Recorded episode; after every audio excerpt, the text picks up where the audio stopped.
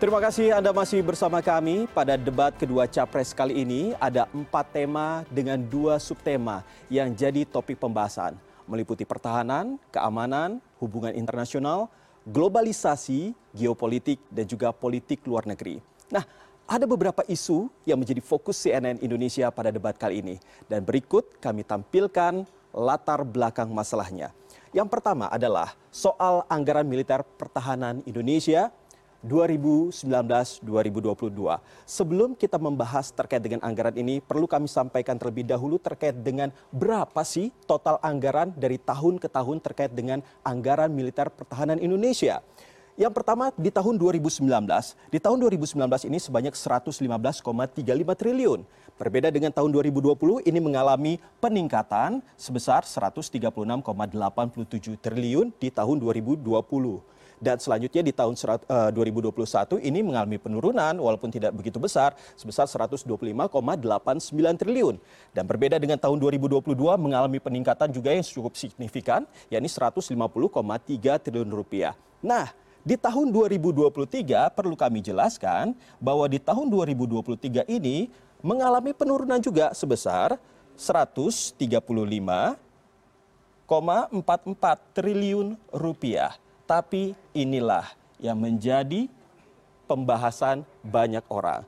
Di mana akhir Desember 2023, pengelolaan anggaran permajaan dari modernisasi alat utama sistem pertahanan atau alutsista ini menjadi sorotan karena bagaimana tidak pemerintah baru saja menambah pagu alokasi pinjaman luar negeri untuk belanja alutsista Kementerian Pertahanan periode 2020-2024 ini sebesar 4,25 miliar dolar Amerika Serikat. Atau kalau misalnya kita konversikan ke rupiah, ini sebesar 61,7 triliun rupiah. Ini sangat besar sekali. Dan dari realisasi anggaran sebelumnya ini yang sudah dianggap jumbo sebesar 135,44 triliun rupiah. Ini merupakan belanja kementerian terbesar setelah Kementerian PUPR belanja alutsista yang berasal dari pinjaman luar negeri ini dianggap tidak lazim dan rawan disalahgunakan jelang pemilu 2024 ini. Apalagi tata kelola anggaran untuk sektor pertahanan selama ini tidak pernah dilakukan secara terbuka dengan dalih kerahasiaan negara.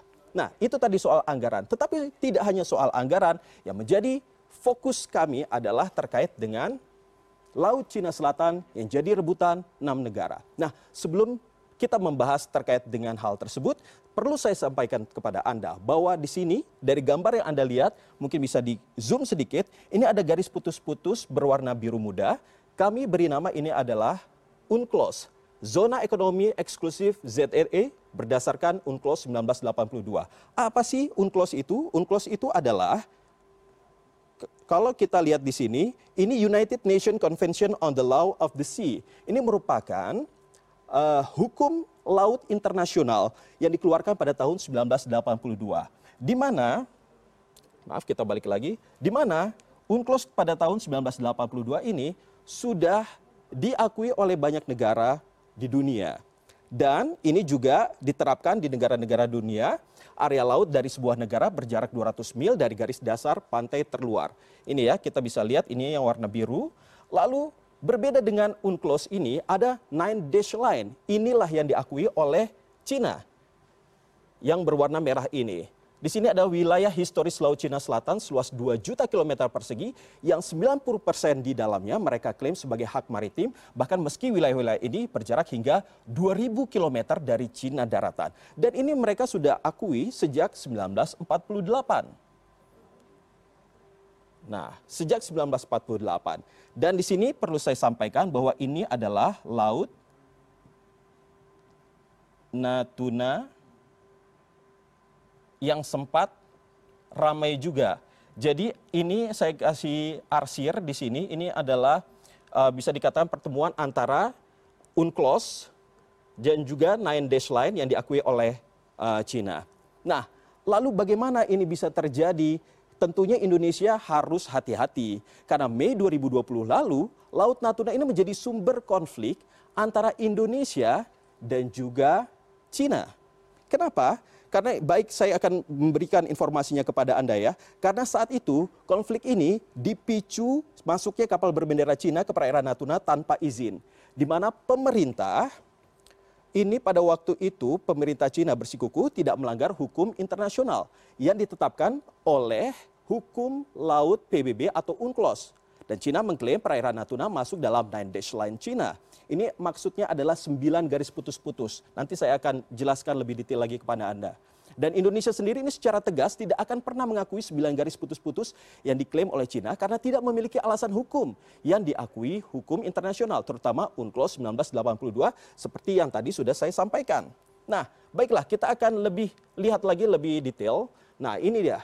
Laut Cina Selatan jadi rebutan enam negara ini yang menarik adalah belum lama ini, belum selesai masalah tersebut, perebutan Laut Natuna Utara ini akhir Agustus 2023 ini ramai lagi. Kenapa? Karena Cina ini akhirnya mengeluarkan lagi petanya. Di mana ini yang tadinya ada 9 garis putus-putus, ini menjadi 10 garis putus-putus yang mereka akui. Termasuk halnya Taiwan. Jadi di sini ini sudah ramai. Jadi ada Taiwan, Filipina, Brunei, Vietnam, Malaysia yang juga sama-sama bahwa mengakui bahwa wilayah itu adalah wilayah yang bebas yang harusnya ada wilayah mereka juga di dalamnya. Nah, sepertinya di sini Cina enggan melepas cadangan minyak dan juga gas bumi di Natuna yang merupakan salah satu sumber terbesar di Asia. Saya akan jelaskan kepada Anda, sebenarnya ada apa di sini? Nah, di sini di Laut Cina Selatan ini, yang pertama, ini adalah jalur perdagangan yang luar biasa, yang sangat aktif dan dilalui oleh kapal-kapal dari berbagai negara. Nah, selain jalur perdagangan, di sini juga ada potensi dari gas alam. Berapa banyaknya? Untuk gas alam ini ada sebanyak 900 triliun kaki kubik. Ini luar biasa sekali. Dan tidak hanya gas alam, tetapi ada juga minyak bumi. Berapa besarnya? Itu ada sebesar 213 miliar baler, barel. Nah, kalau misalnya berbicara soal 203 miliar barel, ini kalau misalnya dengan Arab Saudi sendiri, ini sama dengan 80 persen dari cadangan minyak Arab Saudi yang diakui sebagai salah satu negara terbesar yang memiliki cadangan minyak bumi. Dan selain itu, yang keempat, selain dari uh, jalur perdagangan, lalu juga ada gas alamnya, lalu ada juga minyak bumi, ada juga kaya akan uh, sumber daya lautnya. Di sini disebutkan ada sepertiga kekayaan keanekaragaman laut dunia yang ada di tempat tersebut. Mengapa hal tersebut akhirnya menjadi rebutan negara-negara terutama dari Cina ini sendiri? Baiklah, selain dari Laut Cina Selatan, ada juga konflik yang sebenarnya juga menjadi sorotan, yakni terkait dengan Nah, ini dia konflik antara Israel dan juga Palestina. Dari dua wilayah Palestina ini, agresi militer Israel berpusat di Gaza. Ini dia ya, berpusat di Gaza. Ya kecil sekali ini. Dan selain itu juga ada di tepi barat. Karena mereka juga menyasar dengan alasan ingin mencari uh, Hamas begitu ya. Akhirnya mereka tidak hanya di jalur Gaza tetapi juga di wilayah tepi barat. Oke. Okay. Lalu kita lihat secara detail lagi ya. Saya akan jelaskan kepada Anda secara detail. Sebentar.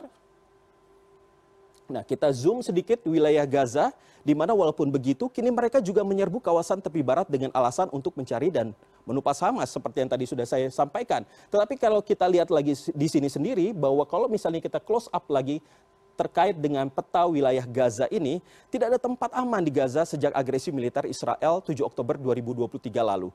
Karena dalam kurun waktu 24 jam, Israel menyerukan warga sipil Palestina untuk mengungsi ke selatan Gaza. Dua bulan agresi, pengeboman, dan serangan darat juga mengincar bagian selatan Gaza. Ini ya di wilayahnya, saya akan tunjukkan kepada Anda, ini adalah titik-titik yang berwarna hitam ini adalah titik-titik pengungsian. Jadi mereka itu disebar Alasannya Israel meyakini kota tersebut menjadi tempat adanya Hamas begitu berlindung di sana ya. Baik, selain itu juga di sini juga dekat dengan perbatasan da, dengan Mesir dan lain sebagainya.